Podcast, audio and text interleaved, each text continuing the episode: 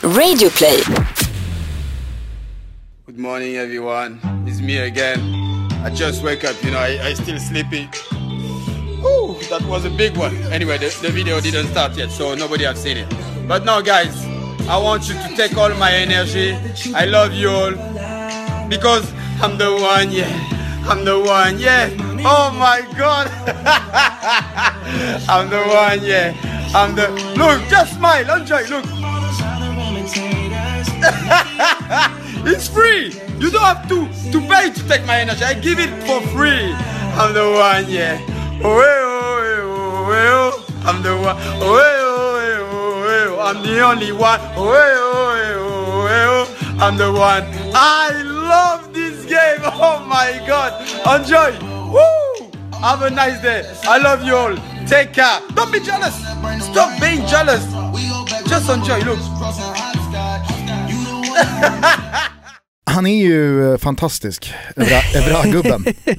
Jag ska börja alla mina måndagar så här. Jag vet inte om du såg någonting av matchen igår, jag hade på den på en skärm bredvid. Milan-Roma.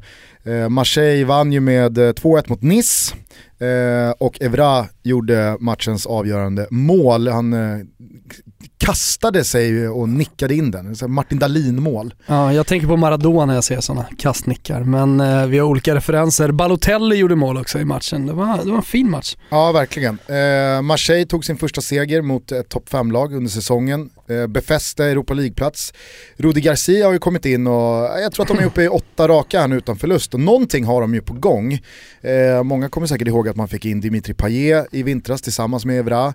Eh, där finns ju redan eh, Gomis till exempel, det är ju en favoritanfallare för mig. Jo men det har ju varit en strulig säsong när allting började med strulet med Bielsa och, och sådär. Så att jag Absolut. menar, man, det är ju förståeligt att det har gått lite trögt för Marseille. Men med värvningarna som har eh, kommit in i laget, med Garcia, med Stade Velodrom, fan vad de har fått till den bra.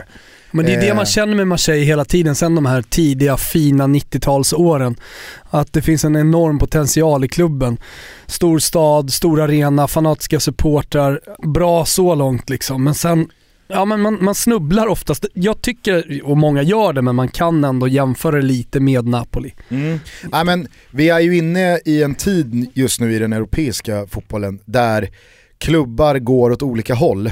Ska man prata liksom aktiespråk så är det ju läge att köpa in sig i Marseille just nu. För det känns som att de mår bra, de vet vart de ska, de har en sund eh, tidsplan, de har många Ja, beståndsdelar man redan på kommer gå plats. åt helvete i något läge ändå för Marseille. Men eh, på tal om aktieköp då i eh, fotbollsklubbar så eh, gjorde ju sig den norska staten ett rejält klipp när de eh, klev in i Juventus. Ja men det har vi redan pratat om. Jo, jag vet. Jag, men, jag var helt men alltså den aktien går ju bara så här. Alltså Norge behöver ju inte bli rikare, men det är ju någon där som vet hur man eh, förvaltar stålar. Rik ska alltid bli rikare Gusten. Så är det väl kanske. Men du vet alla- hur det är. Jag tror i alla fall inte man ska underskatta betydelsen av att man har fått in Patrice Evra i det här läget i Marseille. För han står ju för så jävla mycket lugn och trygghet.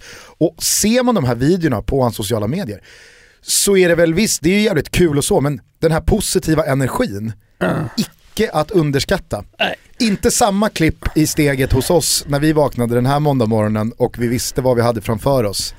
Det var ju ditt första PT-pass med Malin, mitt andra, vårt första tillsammans.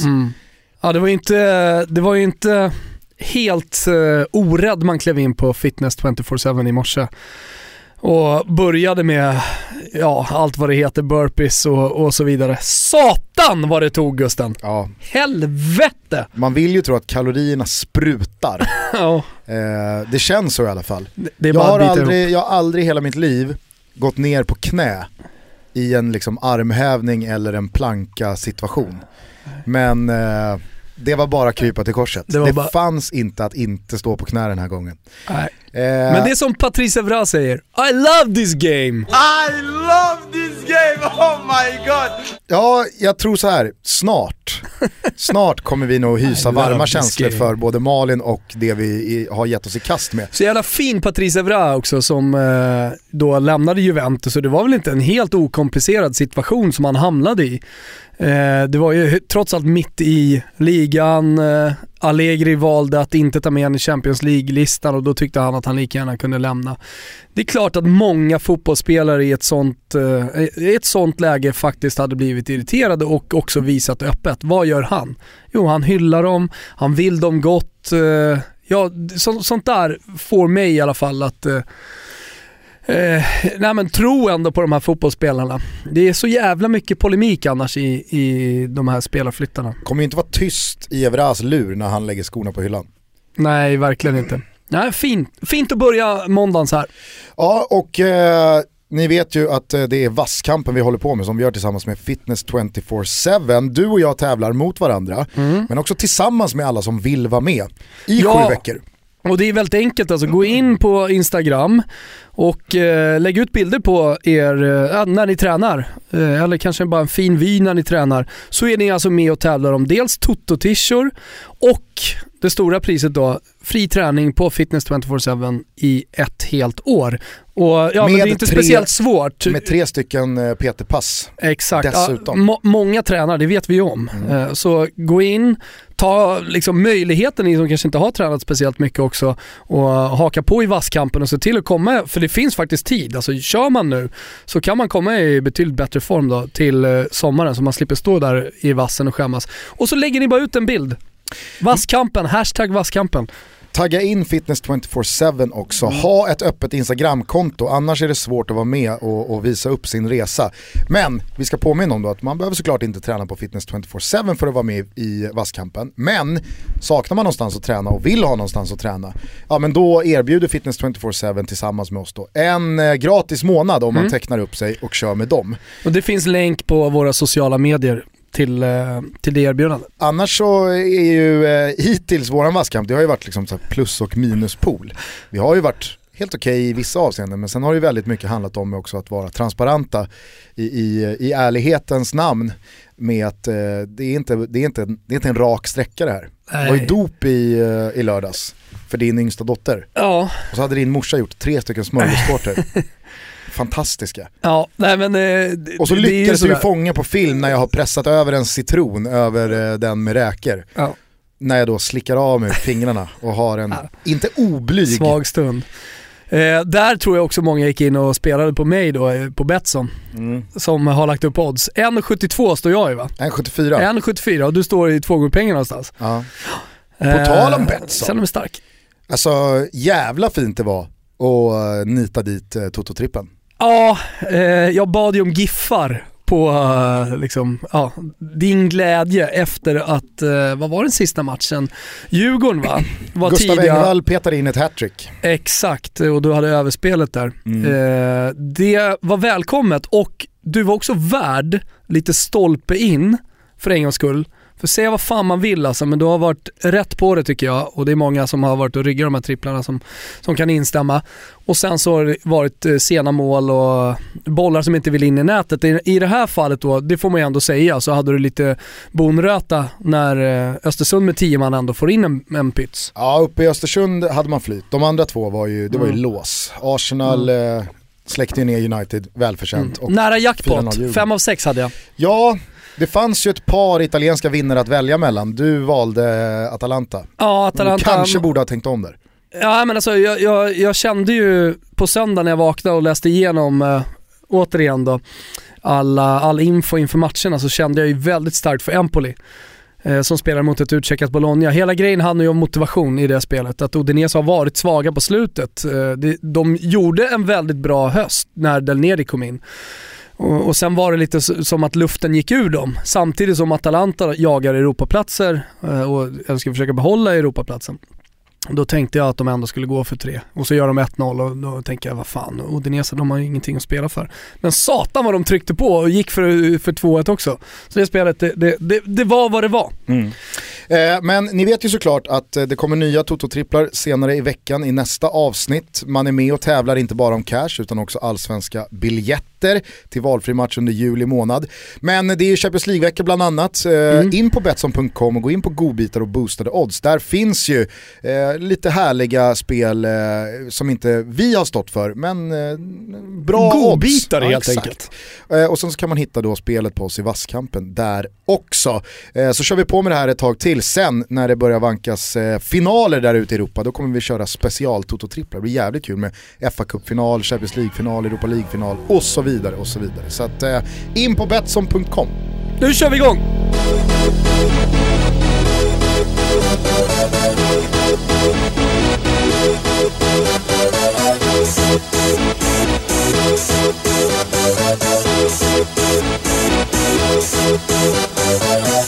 Ready for this? Du, eh, på tal om Patrice Evra den här matchen. eh, Du har sett att eh, Mario Balotelli är i någon slags superform igen. Han kommer Eh, in i stim, man- Balotelli. Man höll ju dock andan igår när han i slutet av matchen ska dra en yttersida i djupet och sparkar i marken. Ja. Han duffar den så att säga och tänjer ut ett ledband och bara rasar ihop. Riktig Balotelli-skada. ja. Skadar sig själv. Skada sig själv. Nej men eh, det, det är ju, jag tycker det kä- känns lite som att det är Frankrike det händer.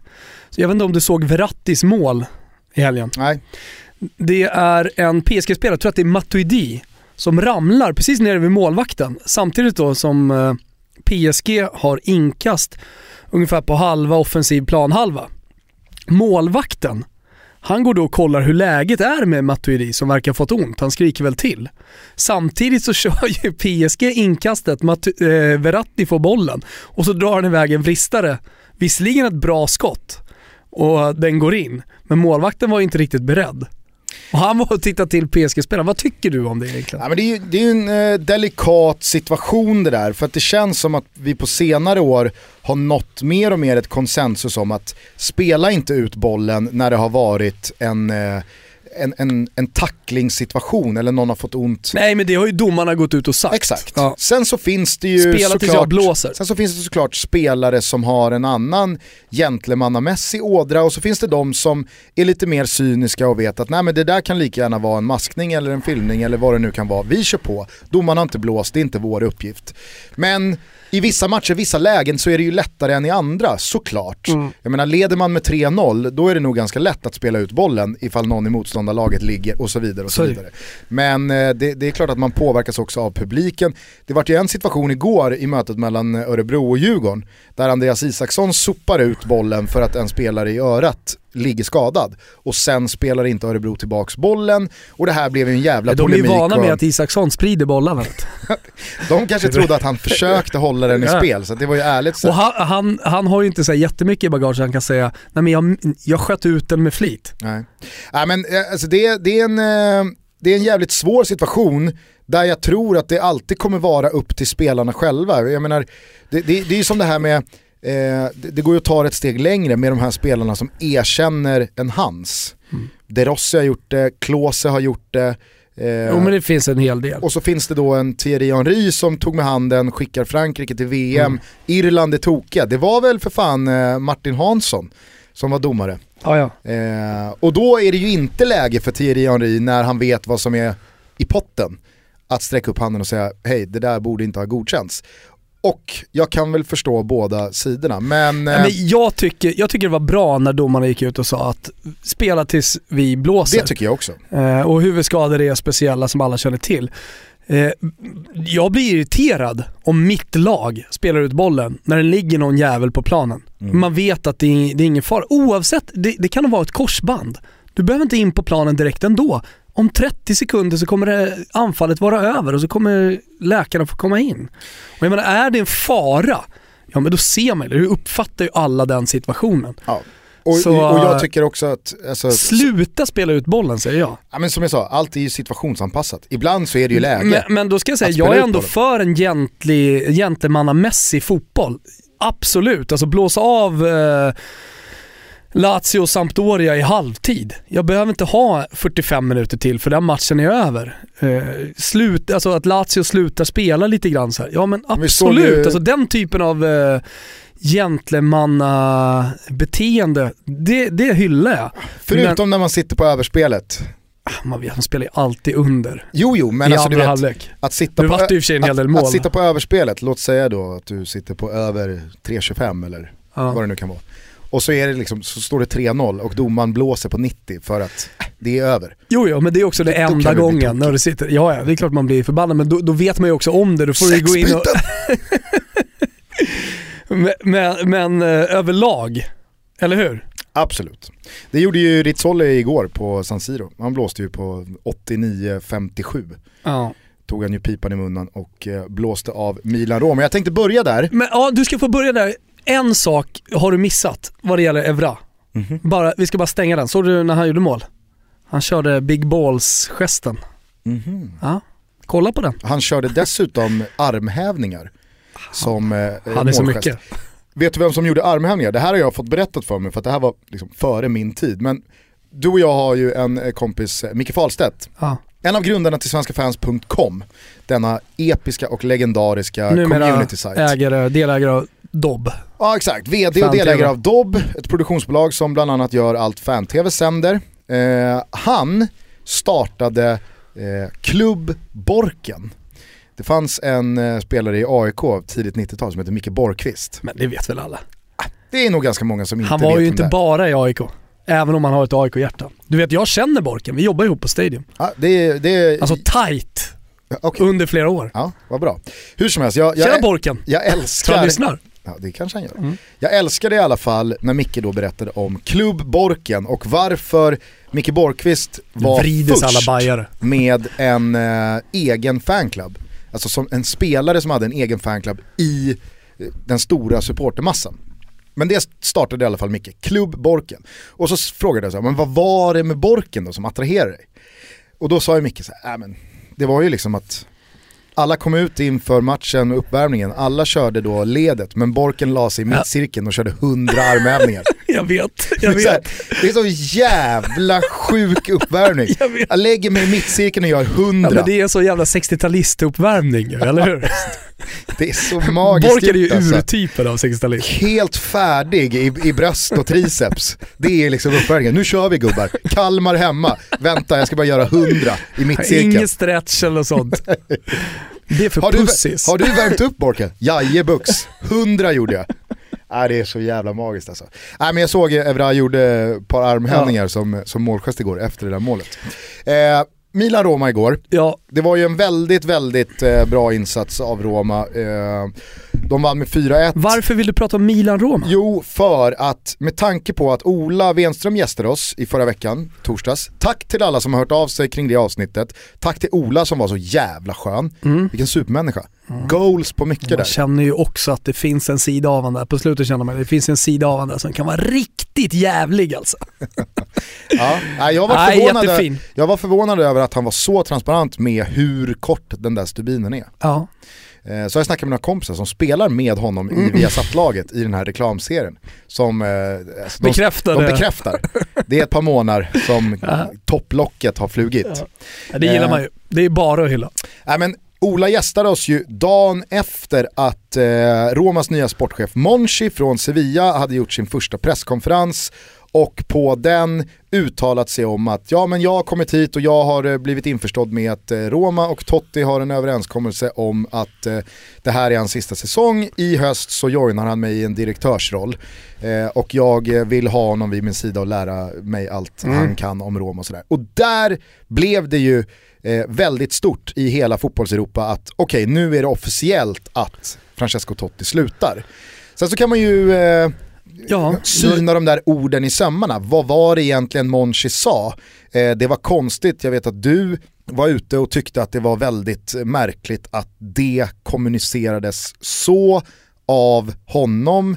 Eh, det kom heller ingen kommuniké som italienska klubbar gillar att jobba med eh, från Roma och det har till dags datum, alltså måndag, ännu inte yppats ett ord från Francesco Totti om det här.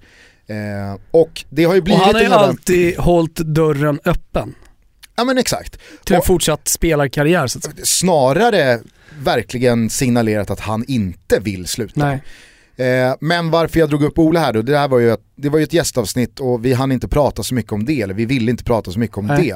det. Eh, så därför vill jag börja där, för att nu blev det ju ytterligare vatten på den här kvarn om hur ja, men, eh, prekär den här situationen har blivit.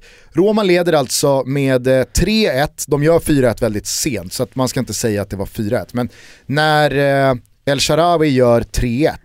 Då går ju luften ur Milan totalt och det är 10-12 minuter kvar, Roma har ett byte kvar att göra. Men eh, Luciano Spalletti väljer att inte byta in eh, Totti. Det är då, om man ska tro att det här är hans sista matcher, sista gången han är på San Siro. Milan hade ju eh, liksom, ja, men bjudit in till eh, att... Jo men de eh, hade på, officiellt från klubben så Mm. hade de ju på storbildsskärmen och i kurvan så, så hyllade man och hedrade, alltså i Milans kurva hyllade Exakt. man och hedrade Francesco Totti. Så att det var ju verkligen upplagt för, med det resultatet, att Totti skulle få spela på San Siro en sista gång.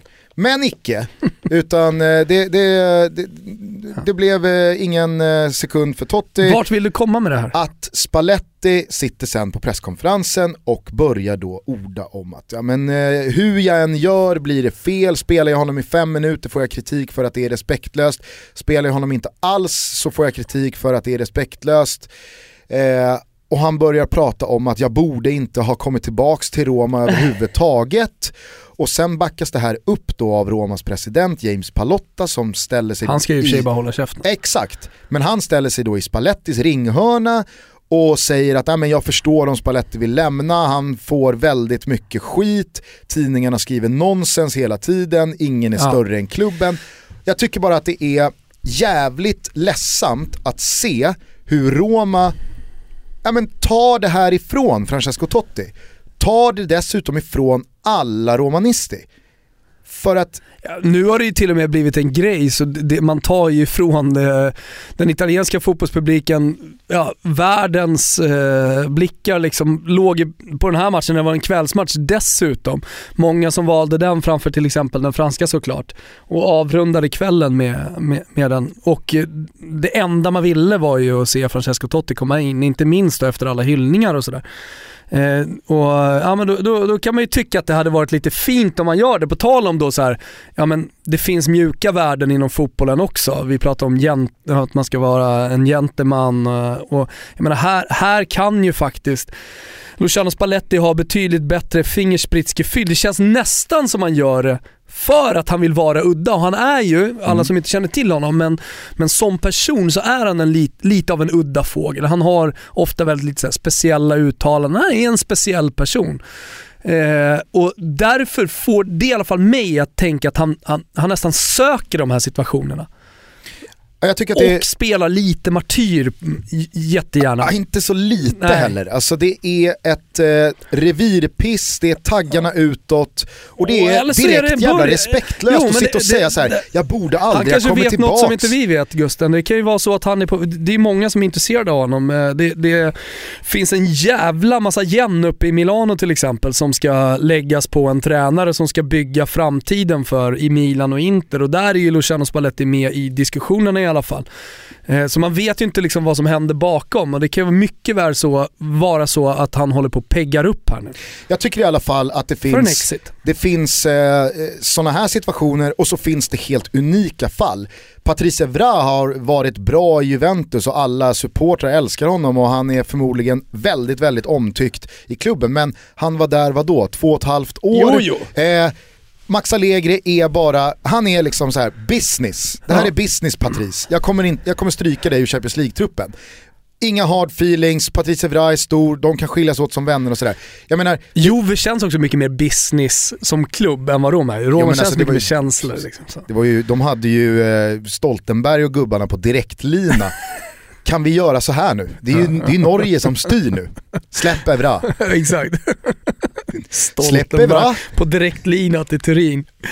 Eh, jo, vad jag skulle komma till var att det finns ju jättemånga spelare som har jättefina karriärer och aktier och positioner i sina klubbar som kommer behöva lämna en dag och det kan man göra mer eller mindre värdigt. Men Francesco Totti är en av få, kanske är han högst upp i just den här aspekten. Och då måste man, tycker jag, kunna zooma ut, kunna förstå som klubb att okej, vi sitter här nu på en situation som vi aldrig kommer vara med om igen.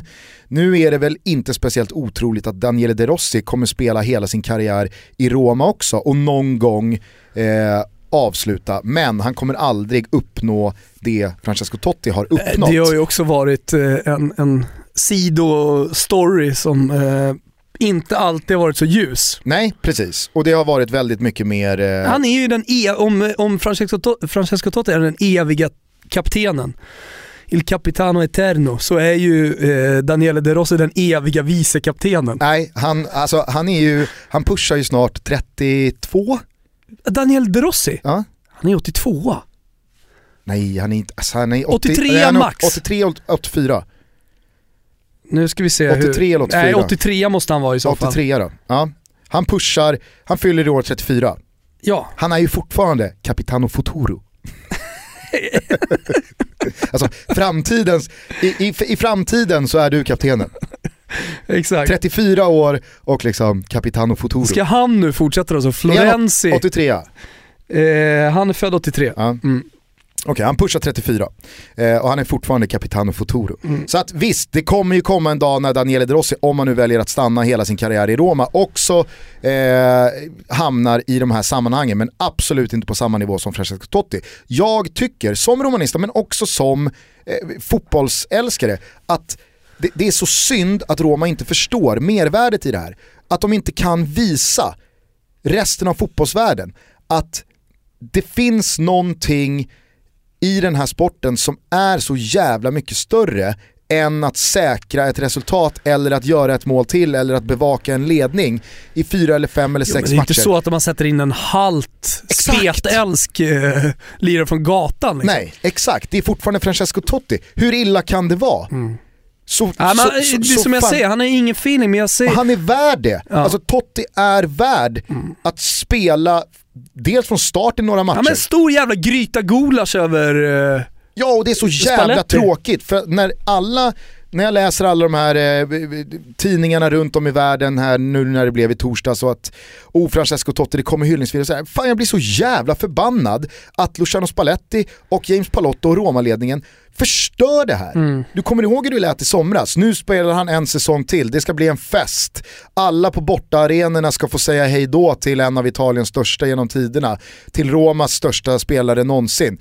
Och sen så får han inte spela ens i ledning med två, tre kassar när hemmapubliken nästan ber om att få se honom en sista gång. Utan då sitter det någon jävla martyr där och spelar Allan och spelar Mangas. Jag blir så Jo, men nu har fruktansvärt ditt irriterad på det. Roma-hjärta talat klart om det Gustav. Jag förstår att det blir det är många som var irriterade i år och så. Vi får se hur han hanterar de här sista matcherna. Jag åker ju ner på fredag, Ja.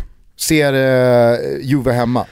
Alltså, det kan, bli, det kan bli en pitch. Det kan bli en pitch. Gugge pitchar. om jag ser, eh, om jag ser eh, El Sharawi ta av sig tröjan för det tredje bytet, Så ut med den där pastabuken och bara rätt ut. då, äh, men då, då tar jag den. Ja, gör det. Då tar jag pitchen. Ja. Eh, jag, jag, tycker att det, jag tycker att det är så. Jag tror att eh, Hammarby i en annan värld, i en mindre skala, är på väg att sätta sig i samma situation med Kennedy ja, i en annan värld och i en annan skala är det viktigt att betona det. Absolut, men att man redan har en tränare som, för det, det ska ändå Nanne Bergstrand ha, att han var ju väldigt försiktig med att uttala sig negativt om Kennedy. Han var ju väldigt noga med att påtala Kennedys betydelse för den här klubben, för DNA, för supportrarna. Jakob Mikkelsen har inte ens med tre, fyra månader innanför västen redan sagt att Kennedy, han har sett sin peak, han är på väg ut för. Men, men samtidigt så ska man ju ha respekt för ärligheten här. Om, om vi nu bara får plocka ut den för Luciano Spalletti, för jag menar uppenbarligen så gjorde man ju en bra match. Man vann 4-1 på San Siro mot, mot Milan. Jag menar, det, det, han ska ju hyllas för det också, att han gör ett eh, bra jobb. Och precis som, eh, ja nu förlorade ju Bayern eh, men, men, men ändå. Alltså jag menar, Mikkelsen har ju haft, eh, tycker jag, rätt i sak också med Kennedy så här långt. Ja, men behöver Alltså, det det vara en så svart och vitt då? Jo men det är ju väldigt enkelt för... Det är ju det är som men du säger kring spetälsk och Ja. hur dåligt kan det vara? Jag menar, i jo de här men vadå, unika en situationerna, bortamatch mot Östersund på konstgräs. Ja, jag- jag- Måste Kennedy starta den matchen om det är så att han är... Jag, jag tycker att de bästa ska vara. Absolut inte, jag pratar inte om den här matchen i sig. Jag pratar bara om att Alltså jag tror... situationen i, i verkligen pikar ju nu med tre omgångar kvar. Exakt, och vad var det jag inledde med att säga? Jag Ja. tror att Hammarby kan komma att hamna Ja. Mm. i den här situationen också. Deras största spelare genom tiderna, lagkapten, fansens favorit, han vill Största spela genom vidare. tiderna. Lätt. Överlägset, Lätt. säger du. Jo, kanske. Ja, men- Tänkte på Eskil. Staty, Kommer du framröstad ihåg till... Eskil-ramsan? Nej. Eskil, Eskil, Eskil slit och säng, pundaren i Bajen. Nej, hur går den? Punda på partajen, tio för en puka, fem för en sträng, sicket gäng, losergäng. I år ska Hammarby få däng! Superlåt av AIK-trubaduren. Förlåt. Ja, eh, nej men, eh, vi kommer ju komma, Ja. tror jag, till en situation där Hammarby antingen kommer få säga till Kennedy, du får inget nytt kontrakt. Kan jag få sparken för den där ramsan? Nej just det, det kan jag inte få va? Vi äger det här. Vi äger det här.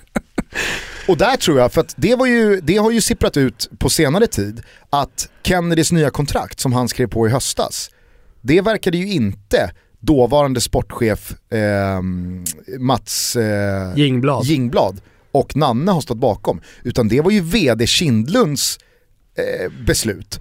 Och då kan man ju börja undra, Kindlund fattar ju grejen, hur viktigt det är att ha en Kennedy, att ha den här spelaren som många lag saknar. Inte kvalitetsmässigt längre, men att ha en spelare att sluta upp kring som bär traditionens vingar, som är någon att berätta för barnbarnen om. Jag tror att en VD kan se de egenskaperna och det värdet mycket bättre än vad en tränare och en sportchef kan. Sen skulle man ju faktiskt vilja veta hur relationen egentligen är. Dels i Kennedy-fallet men också i Totti-fallet. För han mörkar ju, eller båda mörkar ju, de är mitt i säsong, de vill ju lagets bästa, de är, de är proffs såklart. Eh, Och dessutom stora Bayern-hjärtan, Roma-hjärtan. Eh, Men hur är relationen egentligen? För det har ju sipprat ut tidigare att det, det har skurit sig mellan Totti och Spalletti vid tillfällen. Men hur hanterar de situationerna? På träningar, i omklädningsrum och sådär. Jag För det är, en, det, är, det är två stora ledare, det är, det är två starka röster i omklädningsrummet. Så är det. Eh, jag vet inte om du läste... Skadas det på något sätt av eh, att, att de inte får speltid? Då? Jag tänker ändå att det gör det. Ja det tror jag också, absolut. Och jag tror inte mycket blir bättre av, jag vet inte om du läste här intervjun med Palotta, men när han då säger vänta bara till säsongens slut, Mm. då ska jag berätta allt. Ja. Vad är det att säga? Alltså vad är det för jävla klabbe att skicka in i brasan? Det är ju liksom, För man vet ju att det är allt, kommer inte vara speciellt mycket allt. Ja, Nej. nej. skitsamma, vad, vad har du fastnat för i helgen? Skitsamma. Du, Nej det är fan inte skitsamma. det som är lite också top of eh, my mind, Mm. matchen mellan Arsenal och Manchester United. Vilken otroligt deprimerande historia. Mellan två stycken lag som är så kritiserade, ställer ut skorna, Mourinho roterar, visar tydligt att det är Europa League som gäller. Det är dels en titel, det kommer han alltid kunna ha med sig och det är dels en, en bättre, lättare väg som alla känner till till Champions League-spel. Men den prestationen, också att se Rooney liksom stappla runt där på planen i hans gamla roll liksom, som striker nu när han vilade Rashford.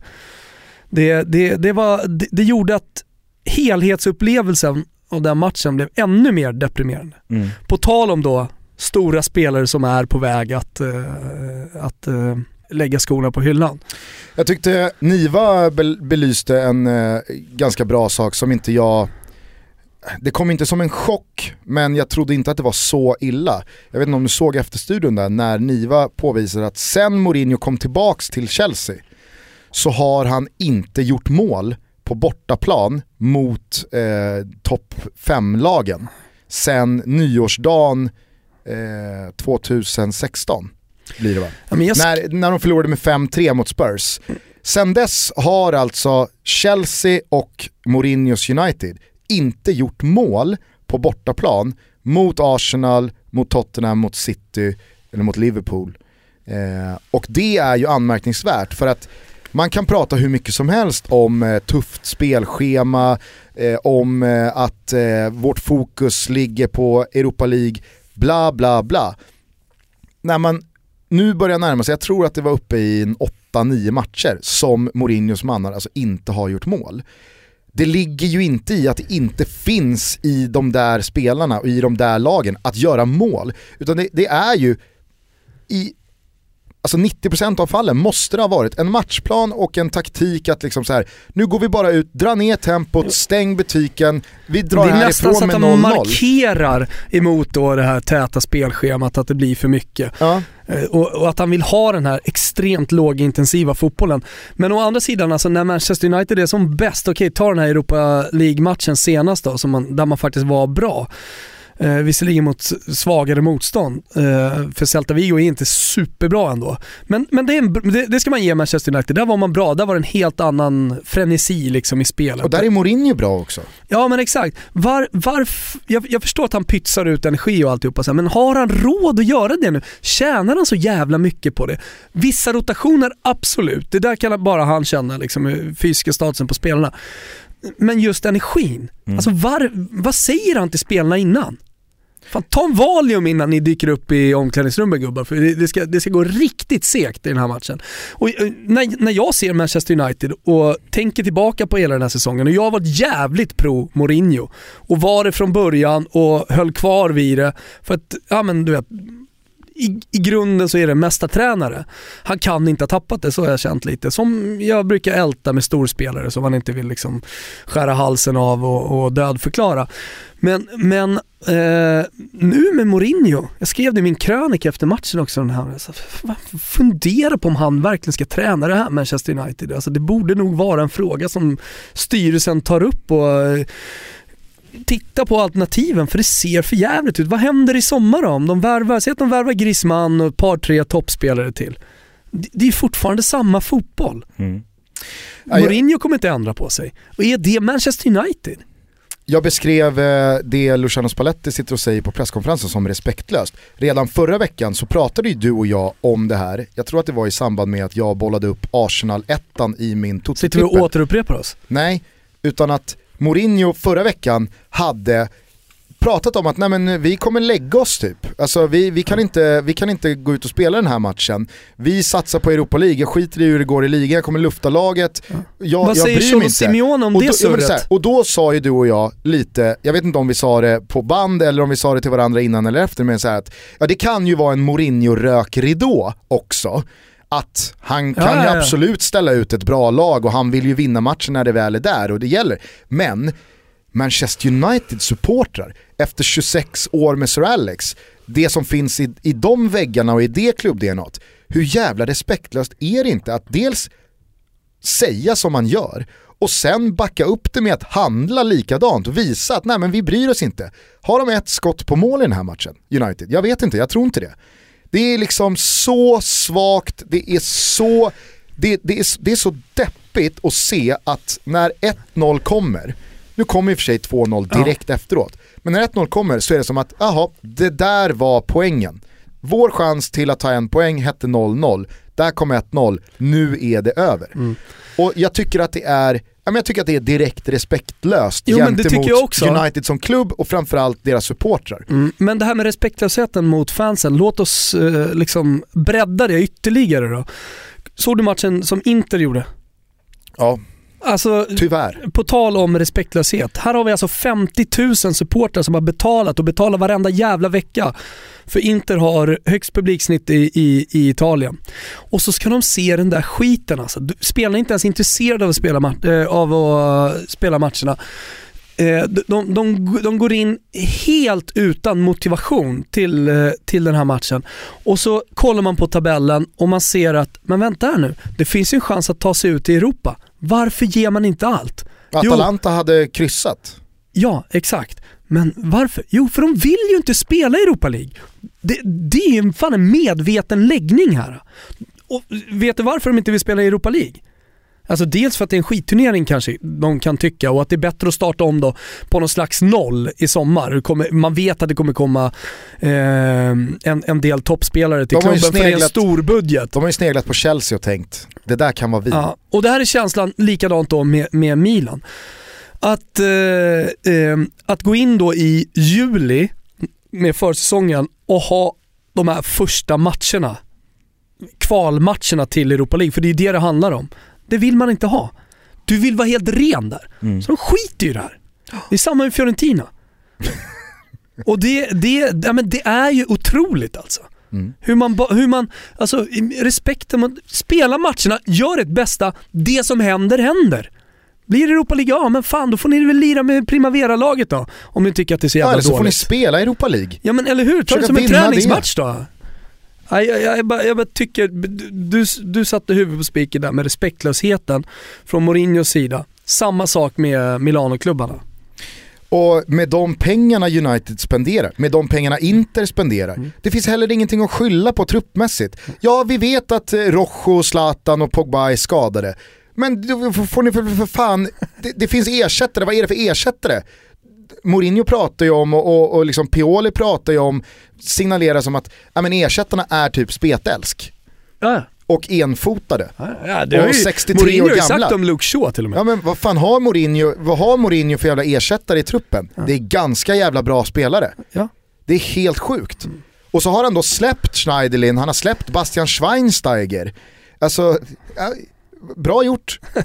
Bra gjort. Ja, Och, och jag, jag följer en del Manchester United-supporter på Twitter, tycker de är ganska vettiga. Det är bra, Mm. bra människor.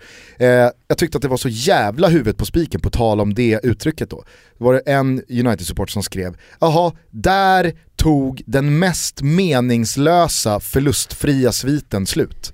För att United hade ju alltså inför igår 25 matcher i Premier League obesegrade. Och det är klubbrekord i Premier League. Rätta mig om jag har fel, det kanske var någonsin i högsta divisionen. Men det här var alltså bättre än vad Sir Alex någonsin har uppnått. Men men det det, var exakt också som ett icke-rekord. Exakt, för, det var som den supporter skrev. Det är så jävla meningslöst. är ju- Ja, det är så jävla meningslöst. Alla kan, hade... ju lika gärna vara en, alltså, som en förlust. Ja men alla Poäng- hade ju poäng. hellre tagit tre förluster på de här 25 matcherna, men 10 poäng fler. Vinststreaks, visst det köper jag till 100% men inte förlustfria. Nej, det ska i sådana fall vara om... Däremot så kanske det säger någonting om Det Manchester United, hur man spelar. Ja. Eller det gör det ju. Ja. ja men det var verkligen, det var en meningslös match igår. Det, det var, fy fan så dåligt det var Ja. alltså. Usch. Jag funderade på det vi pratade om eh, tidigare, om det här med att spela ut bollen och inte. Eh, Kommer du ihåg eh, matchen mellan Halmstad BK och Kalmar FF? Nej. När Janne Andersson var tränare för Halmstad och Nanne Bergstam var tränare för Kalmar så blir det en situation på Örjansvall där Halmstad eh, lägger ut eh, bollen för att en Kalmarspelare är eh, skadad och då så signalerar Nanne och Henrik Rydström som var Nannes förlängda arm ute på plan att gå upp och lås inkastet. Och sen så vinner de då bollen Ja, men, och ja, går ja, upp och ja, gör nu mål. ja, just det. Och na, eh, Just det. Janne tappar det. Ja. Ska vi lyssna på hur det lät? Ja. Det är hans match som står i bollen rätt ut. Jävla attityd alltså. Fy fan vad dåligt han är. Johansson bestämde. Ja, det bestämde att han bestämde. Vi står ut bollen svårt. Vad är det för jävla trams? Nej, det, det, det, det, bevingade ord. Ja. Men just den grejen är ju verkligen grisig. Ja. Om man nu har spelat ut bollen för att en motståndare ligger skadad, alltså att gå upp och låsa inkastet för att vinna tillbaks den i Ja, pressen. det är grisigt gjort. Det är grisigt. Då är det liksom så här. jag är helt med dig där att man kanske inte behöver spela ut bollen. Och det är Nej. många som inte ska göra det. Men har det väl skett, Ja. då får man fan vara Ja, så ja, stor ja, nog att då- då ska bollen tillbaks. Det. Det, ruskig klassiker.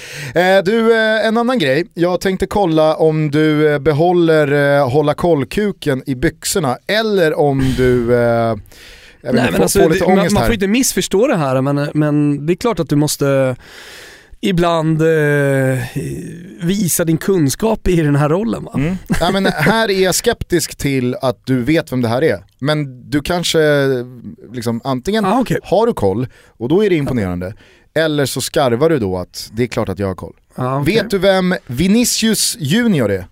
Eh, nej, Ärligt. det, det, det låter ju, det, det är ett stort namn Mm. hur som helst. Det låter ju som en brasiliansk eh, eh, ung fotbollsspelare som kanske är på väg då till typ Barcelona för eh, 30 miljoner euro. Ja, du är ju eh, väldigt nära. Eh, det här handlar alltså om en brasiliansk spelare som Real och Barcelona just nu slåss Men det kring. ringde en liten klocka här vet du. Mm. Och den här spelaren som alltså är 16 år gammal, Nu vet jag om det han har ännu inte debuterat i Nej. Flamengos A-lag. Utan han har bara spelat juniorfotboll. Eh, vet du vad det pratar om för, eh, vet du vad det pratas om för summor? Nej, Jag minns inte vad det var för summor, men, eh, men jag läste om honom. Eh, Just för att i Real Barca så dyker det ju alltid upp i någon slags kanal, liksom nyheten. Ja. Men, eh, Ja, det här är vår gode vän eh, Fredrik Pavlidis som i sina headlines Kolla på dem hörni, om ni vill ha lite extra koll. Varje morgon på Fotbollskanalen kör eh, Fredrik Pavlidis liksom, i stora drag vad tidningarna ute i Europa skriver. Har han gått upp fem på morgonen och översatt liksom alltihopa. Mm. Superbra. Finns i textform också. Ja, det är verkligen den bästa starten man kan tänka sig på dagen när man vill eh, bara veta vad, vad det snackas om där Förutom ute. kaffe och cigg då. Det kan man ju ta samtidigt. Hur som helst så rapporterar då Diario Sport att eh, det Klassisk ser ut att bli Real Madrid för Vinicius Junior. Det är också speciellt när, det här, det här låter ju liksom latinskt, det låter ju som en Ja, gammal det- romersk kejsare. Vinicius. Latinspråk vet du, portugisiska. Eh, men också Vinicius Junior. Ja. Eh, att han verkar då välja Real Madrid före Barcelona eftersom budet eh, är mer lukrativt från Real Madrid. Och här kommer Föga då förvånande så summan. är det cashen som spelar roll här. 61 miljoner euro. För en Herregud. 16-årig Han ska Vinicius vara jävligt talangfull den här gubben. som ännu alltså inte har debuterat för var- Flamengos A-lag. Hur gammal var Neymar när han debuterade? Det var väl kring 16 års Skit i det? Mm. alltså så här, skit i det. Det här är ju sjukt, det är, det är groteskt. Jag blir Ja. äcklad. Jag blir äcklad av det här. Jo. Det här är alltså en summa som, den är uppe och snuddar på vad Real Madrid köpte Zinedine Zidane för Mm. från Real Madrid när han stod på toppen av sin Ja, karriär. eller Barcelona, Zlatan. Ja, men Zidane blev ju i och med den övergången världens dyraste spelare. Jag tror att det, den slutade väl på 760 miljoner eller något Är. Mendieta där uppe också och touchar? Men det heter, jag tror han, han gick över Vi pratade ju om 400 i alla fall. Ja.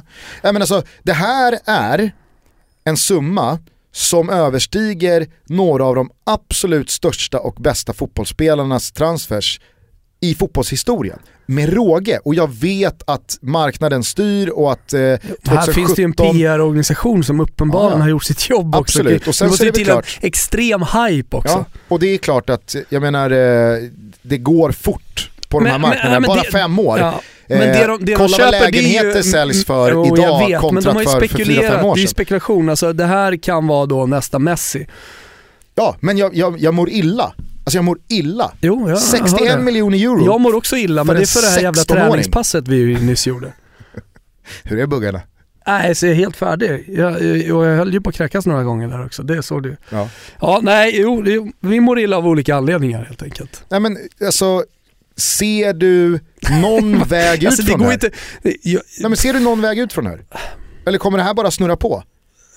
Kommer vi snart börja snacka om en jättebra miljard? Fråga. Det, det får väl de här Kristoff, Osynlig handen och de här äh, svara på, det är de säkert bättre. Men nej, det finns väl aldrig något tak egentligen utan det, det, det snurrar vidare. Det har väl aldrig hänt liksom att det bara helt plötsligt har gått ner. Det som däremot skulle kunna hända det är att man börjar reglera. Alltså, det, det har man ju pratat om inom fotbollen också, att man ska börja reglera marknaden. Alltså, och att eh, NBA-hållet och eh, att det liksom ska vara drafter och allt sånt där.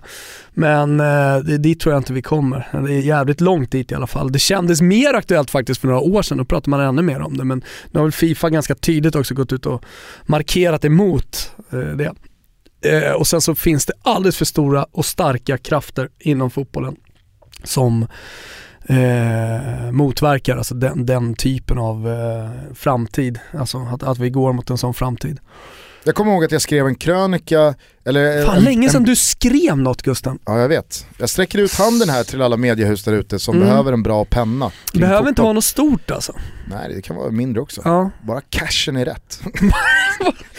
Exakt. 61 miljoner euro. Alltså, får jag en blogg och kan fakturera en hunka K i månaden så är, är jag där alltså. Nej men jag kommer ihåg att när vi bloggade tillsammans på Expressen så skrev jag en text som blev väldigt eh, delad och väldigt liksom eh, uppbackad av många som höll med mig när Raheem Sterling gick från Liverpool till Manchester City för jag tror att vi pratar 66, 600 miljoner kronor.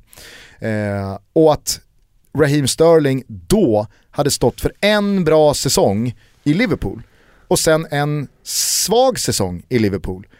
Men han var redan uppe på 600 miljoner kronor i värde. Eh, man vill inte ens veta vad han själv lyfter i, i, i löner. Men jag, jag, jag skrev Vill liksom man inte? det här har, det har, det har spårat ur fullständigt nu. Det går inte ens att, det går inte att, jag, jag kan inte emotionellt engagera mig i det här på ett positivt sätt. Jag blir bara äcklad av summorna som de här spelarna går för, summorna man tjänar. Det har tappat all rim och reson. På tal om respektlöshet, det är respektlöst tycker jag mot fan pengar, mot världen, mot liksom människor som sliter för att ha mat på bordet. Pappa Gustav. Jo men äh, ska du, ska Att du hosta dra... upp 600 millar för en 16-årig snubbe som inte har spelat du behöver seniorfotboll. Inte, ja men samtidigt så, jo jag förstår. Och, men, men nu låter det ju nästan som en, en eh, du, du avslöjar vilken poli, politisk ställning du har Gusten här lite grann också. Eh, alltså det är klart det kan vara respektlöst mot pengar. Men eh, någonstans måste man också kunna acceptera liksom att eh, visst det här, det, här, det här låter ju sjukt men det är ju för att han är 16 år och inte har spelat en A-lagsmatch. Ja, Alltså varför vill någon ens betala? Men det får vara upp till Real Madrid och Barcelona. Om absolut. de Men, vill hade, pynta de summorna. men jag hade blivit så Skiter jävla, jag i. men jag hade blivit så jävla glad ifall någon klubb i de här eh, så här, jag tycker också att det, är- det, det, det är äckligt på något sätt sådär, men, men, men vill någon jävel pynta så får de väl göra det. Ja, ja. Och, och Det största problemet i det här, vet du vad det största problemet är i, liksom alla de här övergångarna, speciellt från Sydamerika? Det som journalistiken i Sverige bara har touchat men som det skrivs väldigt mycket om, eh, ja nu läser jag ju mycket italienska medier men, men det, det har skrivits böcker om det och så vidare, det är det här med tre, tredjepartsägandet. Nu ska vi inte gå in och grotta i det, men där finns ju stora problem, tycker jag, med tredjepartsägande. Vi har Jorge Mendes som ja, numera börjar äga spelare, alltså även agenter äger eh, spelare och sen så är det bolag då som, som har stora delar i, i, i de här övergångarna. Och där tycker jag att vi, vi är på väg mot, jag, jag tror inte att det kommer hålla. Nej. Där kommer det börja regleras. Och det finns ju såklart fler det exempel måste också. än det här kring Vinicius Junior. Det finns ju många övergångar som Fan nu vill man ju bara se den här gubben lira. Men jag hade blivit så jävla glad ifall någon klubb i en sån här situation hade gått ut och sagt det har spårat ur. Aldrig, aldrig att vi ens är, är, är med i de här diskussionerna, i den här budgivningen, när det handlar om en 16-årig Å pojke. andra sidan, han är ju bara ett par år yngre än Donnarumma vet du. Ja Och men jag säger bara att jag hade blivit glad ifall någon klubb hade haft den inställningen och sagt att vi Men- tycker rent, alltså, rent principiellt Mm. så vill inte vi vara med här. För det är inte försvarbart att börja prata om 3, 4, 5, 600 miljoner kronor när det kommer till 16-åriga pojkar. Nej, det, det är klart att det är orimligt. Jag hade blivit glad ifall någon hade gjort det. Men, men, känns men som det att den finns så klubben jävla finns i- mycket mer Den klubben som finns i stör Tyskland. mig än om Real Madrid vill slänga bort pengar.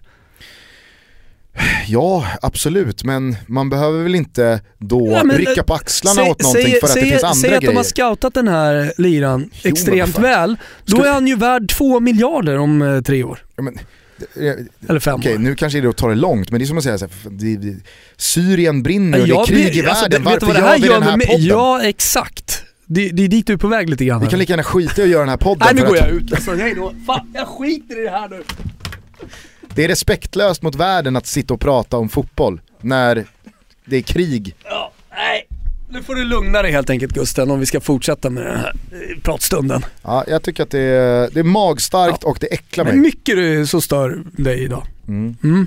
Gaska upp det. Tänk lite Patrice Evra. Ska vi bara lyssna lite kort här? I love this game. Oh my god. Bern Arena, Från Vinicius. Ja, Det, det är Toto Balutto det här Gugge. hörde du Alexander Axén igår? Jajamän. Vem har inte hört? Ska vi inte, nu när vi håller på och lyssnar. Det finns de som inte har hört Örebros tränare Axén, trots att det har då pumpats ut eh, via de stora mediehusen. Så här lät det i alla fall. Vad händer nu den här veckan för Örebro? Vad, vad kommer du foka på nu då? Men det är allt såklart som jag sa, men, men också det stör ju lite, vi vi förlorar absolut inte för det, men det stör ju att jag klockan 10 i morse får reda på att Kennedy inte får spela.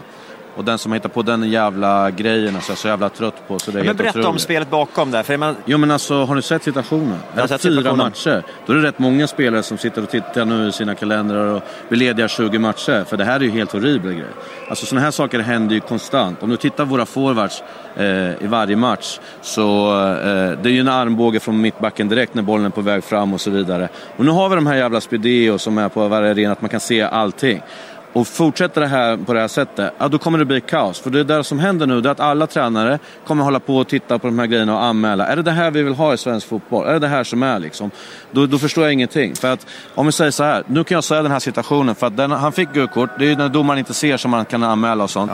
Men om du tänker den armbågen som eh, Mange Eriksson får i hörnet, då säger det att det är inte ett verktyg, eller inte ett vapen, ett verktyg. Titta på den situationen och så kontrar du på det vi gör. Vi får fyra matcher, det blir gult kort där. Om, om vi säger då att domaren ska se den här situationen så skulle jag säga att han ska ge gult kort och säga att nu, får, nu räcker det, typ så. Istället får vi fyra matcher, vi får reda på det här jättesent, vi ska överklaga det, då säger det går inte, det är högsta instans. Eh, det sitter tre stycken där som, som tycker att det här är det fulaste man har sett i hela sitt liv. Och då står vi där. Och klockan tio idag får jag reda på att Kennedy får inte vara med. Ja, det är horribelt. Så. Vi håller på att jaga jävla tejprullar som ska vara två centimeter. Det ska gå ut i, i nummerordning. Vad, vad lägger vi kraft på i svensk fotboll? Är det liksom nu att vi ska hålla på nu och gå in och, och titta på varenda match, på varenda lag och se och anmäla och grejer? Är det där? Det- Vill vi att det ska bli hockey eller? Vad, vad vill vi för någonting i svensk fotboll? Jag fattar inte. Och för er som då vill ha situationen klar för sig, i, eh, jag tror att det bara var andra eller tredje omgången, eh, som Örebro då mötte AFC, så eh, skickar Kennedy Igboananike på en armbåge i ryggen utanför spelet, i boxen. Det här ser inte domaren, det här har granskningsnämnden, disciplinnämnden tagit upp och domen kom då fredag förmiddag. Igboananike är avstängd i fyra matcher, Axén är tokig och eh, spår en jävla dyster framtid för fotbollen om det ska bli så här. Det här har ju delat upp några i olika läger. Vi såg bland annat Daniel Olenklint, våran polare. Han var ju, han var ju väldigt för eh, och tyckte att det var en jättebra straffskala för att oprovocerat våld på en fotbollsplan det ska tas i med hårdhandskarna. Medan då till exempel Jonas Dahlqvist, Simors eh, eh, sabbatsår eh. Eh, Är det Burma på Dahlqvist? Han är i Burma va? Borde ringa upp honom, han har inget att göra där nere. Han poddar ju med Sladjan. Jo, han poddar med Sladjan, men du märker ju på Twitter också hur tråkigt han har. Hur ensam han är. Framförallt Det så, finns ingen som har så mycket hemlängtan just nu som Jonas Dahlqvist har. framförallt så lever han ju i en sån jävla tung eh, tidszons eh, Ja. liksom skevhet. Och så Han följer han ändå allt. Han pratar ju allsvenskan mitt i natten. Ja, vi har jävla, vad heter det, VPA-lösning där borta. VPN-tunnel. Ja, VPN-tunnel. Eh, han tycker då att det är helt orimligt att ifall domaren hade sett det här så hade det ju aldrig slutat med fyra matchers avstängning. Du menar att de, han menar att de gör en annan bedömning just för att de missade det. Och när Exakt. granskningsnämnden då kommer in. Hade det här hänt, domaren hade sett det, då hade man kanske inte skickat in granskningsnämnden utan det hade varit en match. Ja, inte kanske, utan så går det ju till. Att Ja, om domaren har okej. sett situationen och gjort sin bedömning, då diskvalificeras disciplinnämnden att rida in i efterhand. Okej, Men det här var en jag situation... visste inte att det var så, för i Ja. andra ligor, i stora ligor, då kan det ändå bli, det är ändå en, grans, en nämnd Ja. som i efterhand tar direkta röda kort och sätter eh, ett straff. Nej, inte i Sverige. Okej, så borde det ju vara, tycker jag. Det kan man absolut På tycka. direkta röda kort. För att den argumentation som då blev var att... Vet du vad eh, han heter i Italien? Il giudice sportivo. Sportdomaren. Det är som en gubbe som bara, han, han pekar fram med hela handen. så är det. Ja. Eh, Kanske finns en nämnd bakom, men det skiter ju han i. Ja, ja. Nej men då var det ju väldigt många då som drog upp Jotuns armbåge på Magnus Eriksson i Det här mötet mellan älskar jag Malmö med FF fotbollen, och att det Djurgården. alltid jämförs. Och det kommer aldrig Ja. bli korrekt så att säga, eller liknande bedömningar. Oavsett vad det handlar om, och det är du armbåge det, eller inte. Vad sa du? Du älskar det sa du? Du gillar att det blir de här diskussionerna? Vad sa du? Jag hör inte vad, Du, äl- du jag hör- älskar det? Jag hör inte vad du säger. Jo men du, du, du säger här nu att du, du älskar att det blir de Sluddrar här... otroligt mycket. Va? Är det något Nej, fel på det, Det, eller? det, det, det är är det skönt något att höra att, huvudet eller? det är skönt att Va? höra att eh, det- finns de här elementen av att videogranskning inte Oerhört är lösningen märkligt. på allt. Skitsamma, Jotun fick ju Nu, ett gult är kort för den armbågen på Magnus Eriksson. Eh, men där kunde disciplinnämnden inte kliva in för att där bedömdes det som att, jag tror att det var Jonas Eriksson, alltså domaren som dömde matchen, såg det, bedömde det som att det där är gult kort. Armbågen i sig är ful, den är medveten och den eh, är inte någonting som eh, går att säga så här, ja men det, det var omedvetet i en nickduell, armbågen flög Ja. upp, utan den är medveten.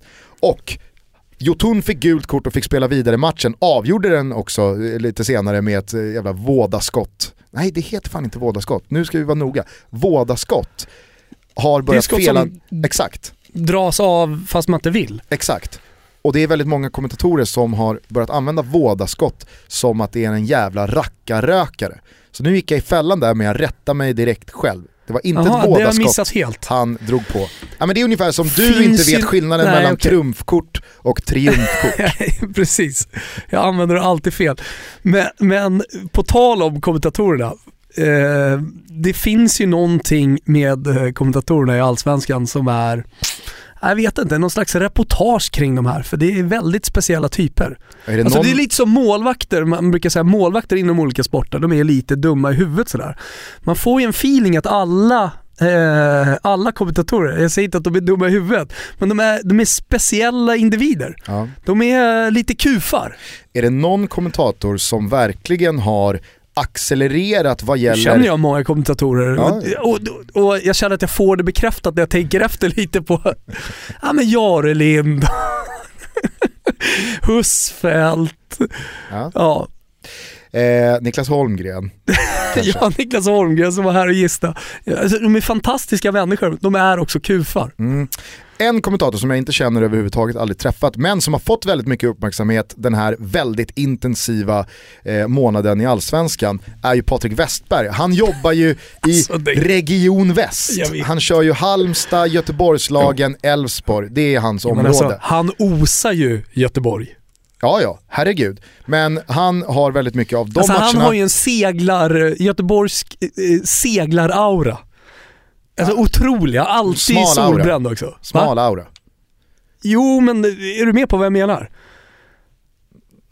Nej, nej, kan jag faktiskt inte säga Jag jag tror att några lyssnare är med på vad jag menar. Skitsamma. Han har ju haft Nej, väldigt alltså- många så konstiga grejer för sig Jo men det, är, det finns ju best of på YouTube. Jo men alltså bara senaste veckorna, alltså för två veckor sedan eller tio dagar sedan eller när det Han nu var, när det var Halmstad, ja han pikar just nu kan jag säga. Halmstad-Djurgården och fjärdedomaren heter då Fredrik Klitte. Det Jo, gjorde han ju en jävla grej av, Patrik Westberg. Och i eftermatchintervjun med Mange Eriksson så eh, påstår han att de mötte Malmö i tisdags. Och Mange säger, ah, nu tror jag att du har eh, dålig koll här, för det var i måndags. Och Westberg säger, nej, nej, det tror jag inte, det var i tisdags. Och Mange säger, nej jag vet att det var i måndags, jag spelade matchen.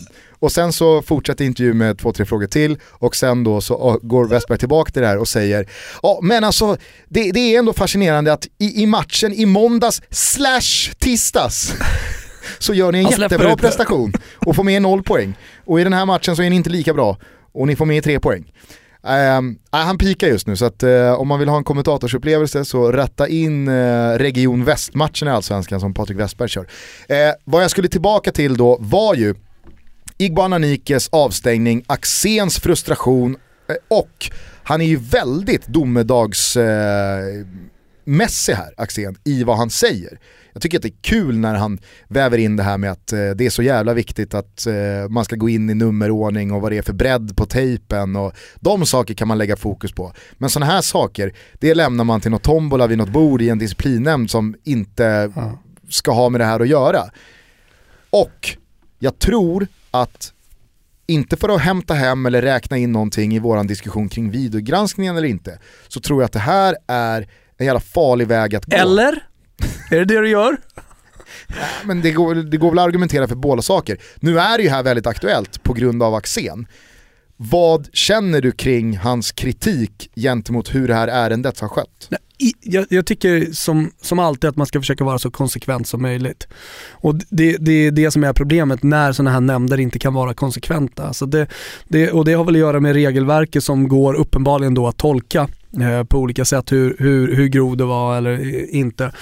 Eh, så så jag, jag är såklart på Axéns sida här. Sen älskar man ju en bra brinning. Mm. Äh, alltså, han är så jävla magisk att se alltså. Halvtidspausen eh, igår, Örebro-Djurgården, så hade ju eh, Ring, vänsterbacken i Örebro, slarvat med bollen, Mange Eriksson vinner den, spelar in den, Engvall 2-0 i typ 46. Axén var ju tokig. Det är division 1000. Tusen. så, Division 1000 på det där agerandet. Ja. Eh, Älskar också att han håller i frillan. Ja, ja. Jag ska fan göra som Axén alltså. Jag ska bli Axén. Jag tror att han tänker väldigt mycket ta bort fokus från håret med skägget. Ja men det är många som gör. Mm. Tyvärr har inte ju inte jag, ja, men jag har ju inte skäggväxten till det. Det kommer ju aldrig gå. Jag ser odla... ut som en heroinmissbrukare när jag sparar ut skägg. Men du får väl odla en bra, sliten och... en bra goatee. Kanske. Ska vi bara ta en liten schnitzel? Jaha.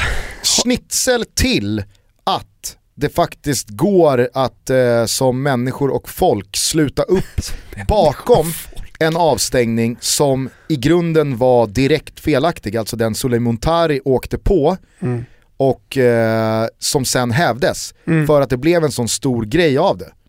Ja exakt, eh, alltså Soleil Montari lämnar planen för att eh, han hörde då rasistiska ramsor från läktaren. Efter det här så är det ju jävligt många trötta gubbar inom den italienska fotbollen som går ut och, och, och säger att äh, det var ingen annan på den där arenan som hörde någonting.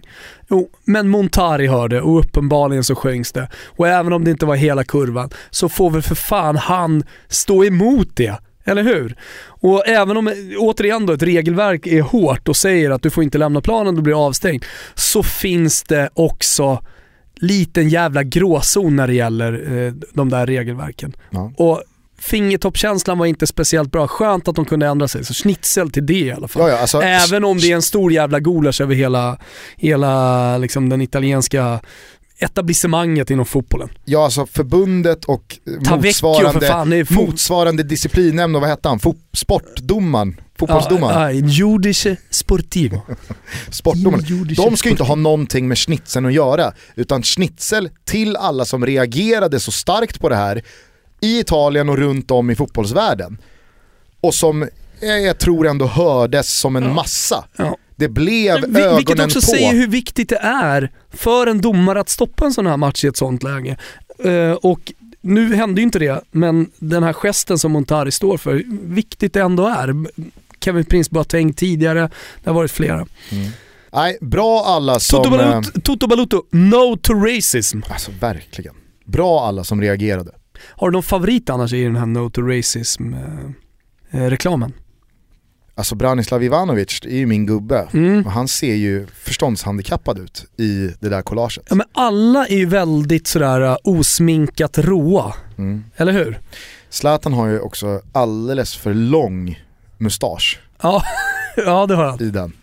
Den uh, hänger över munnen och ser ovårdad den, ut. Ja, väldigt uh, rå. Ja, det är nog många som har tänkt på det där när de där ansiktena flimrar förbi i samband med Champions League-matcher, No to Racism att eh, det, det, är många spelare som ser mer groomade och bättre ut på avstånd ja. än Nej, en sån där close-up. Det, det, är nästan som att de har gjort det med flit liksom. Jag, jag tror att det finns någon sån tanke att nej, men, ah, spelarna känns lite glåmiga.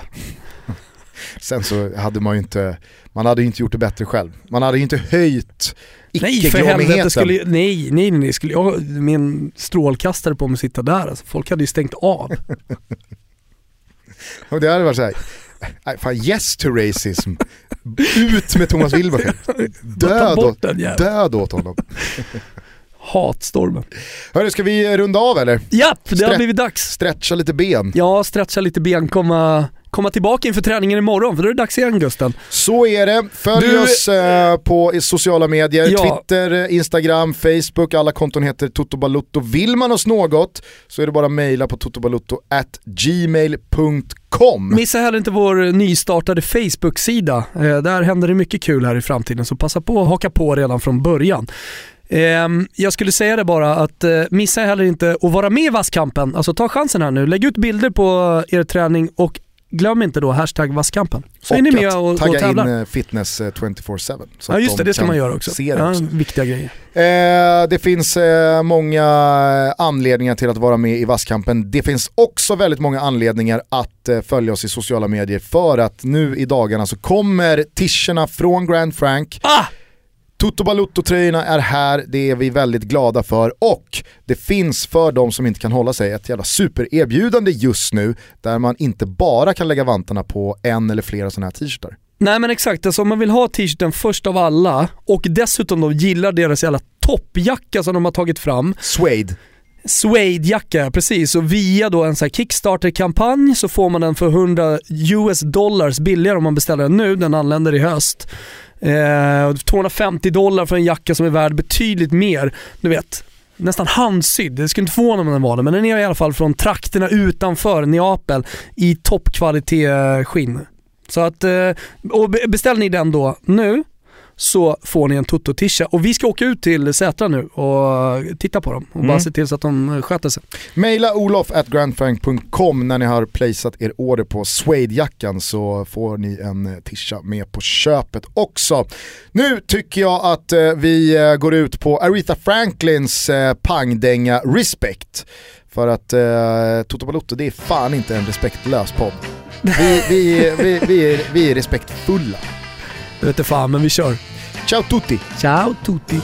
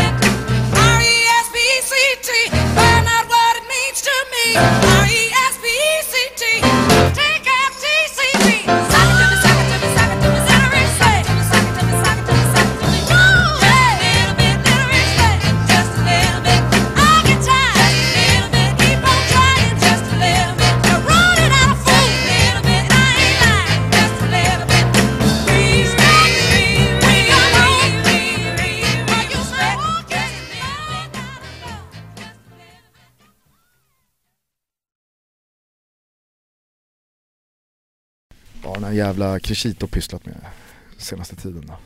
Vad han har pysslat med? Ja, jag såg ju för övrigt att Pam, eh, eller Pam, jag såg att Pammy, Pammi. Pammy, Pammy, eh, jag såg att de var åt glass. Mhm. Vad tror du det var för smak på glassen? Vanilj. Eh, var det vanilj? ja, det är klart. Fan, han har, han, har, han har lagt ner här nu. Vad sa du? Ingenting har hänt på Crescitos Instagram sedan 27 april där han körde det här collaget med alla bilder. Eller så är han så jävla nöjd med det här collaget så jag collaget. tänker att den ska få rulla. Den ska fronta ett tag. Ja, den ska fronta det här Instagramkontot ett tag. Man vet ju å andra sidan att snart, Gusten, är det dags.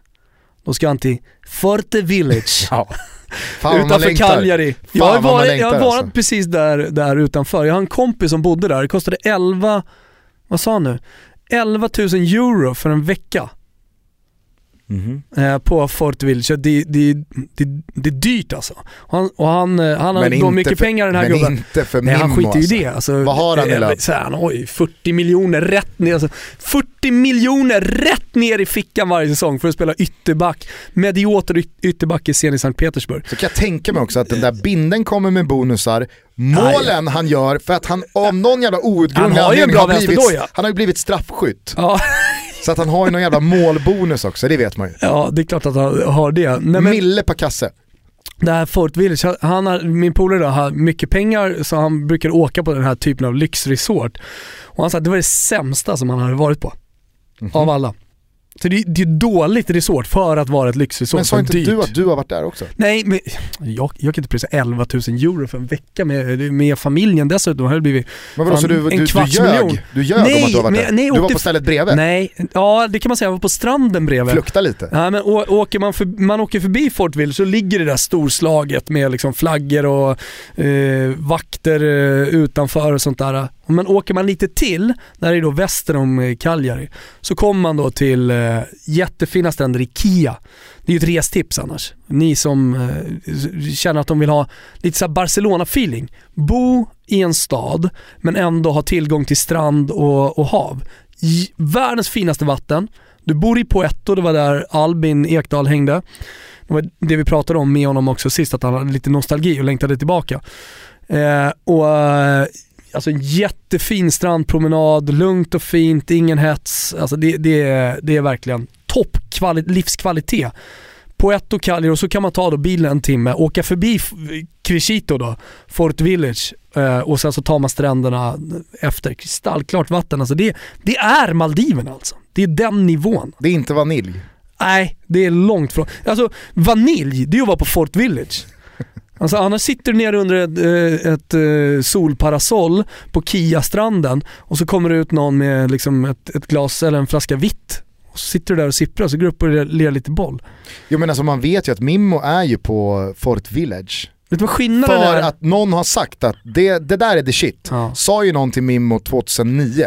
Sen dess har han ju varit där varje år. Han kommer ju vara där i 20 år till. Men skillnaden på att sitta liksom på en strand eh, i, i Mallorca, det är att du får in ett toppklass eh, Argiolas vin liksom. Vitt vin som är så jävla fint och eh, stranden är perfekt, havet är kristallklart. Det är, ge fan i Mallis och det där. Det är bra också, jag förstår det men åk till Cagliari. Det är svårt att veta i det här segmentet så brukar vi bara så pissa på Mimmo. Nu Ja, så men det är ju att pissa på Mimmo för att han stannar till och är på Forte Village. Medan jag sitter och, och fläker mig vet du, på stranden lite längre bort och har så jävla nice. Han fattar ju inte att det är bättre där. Va? Jag förstår. Jag förstår.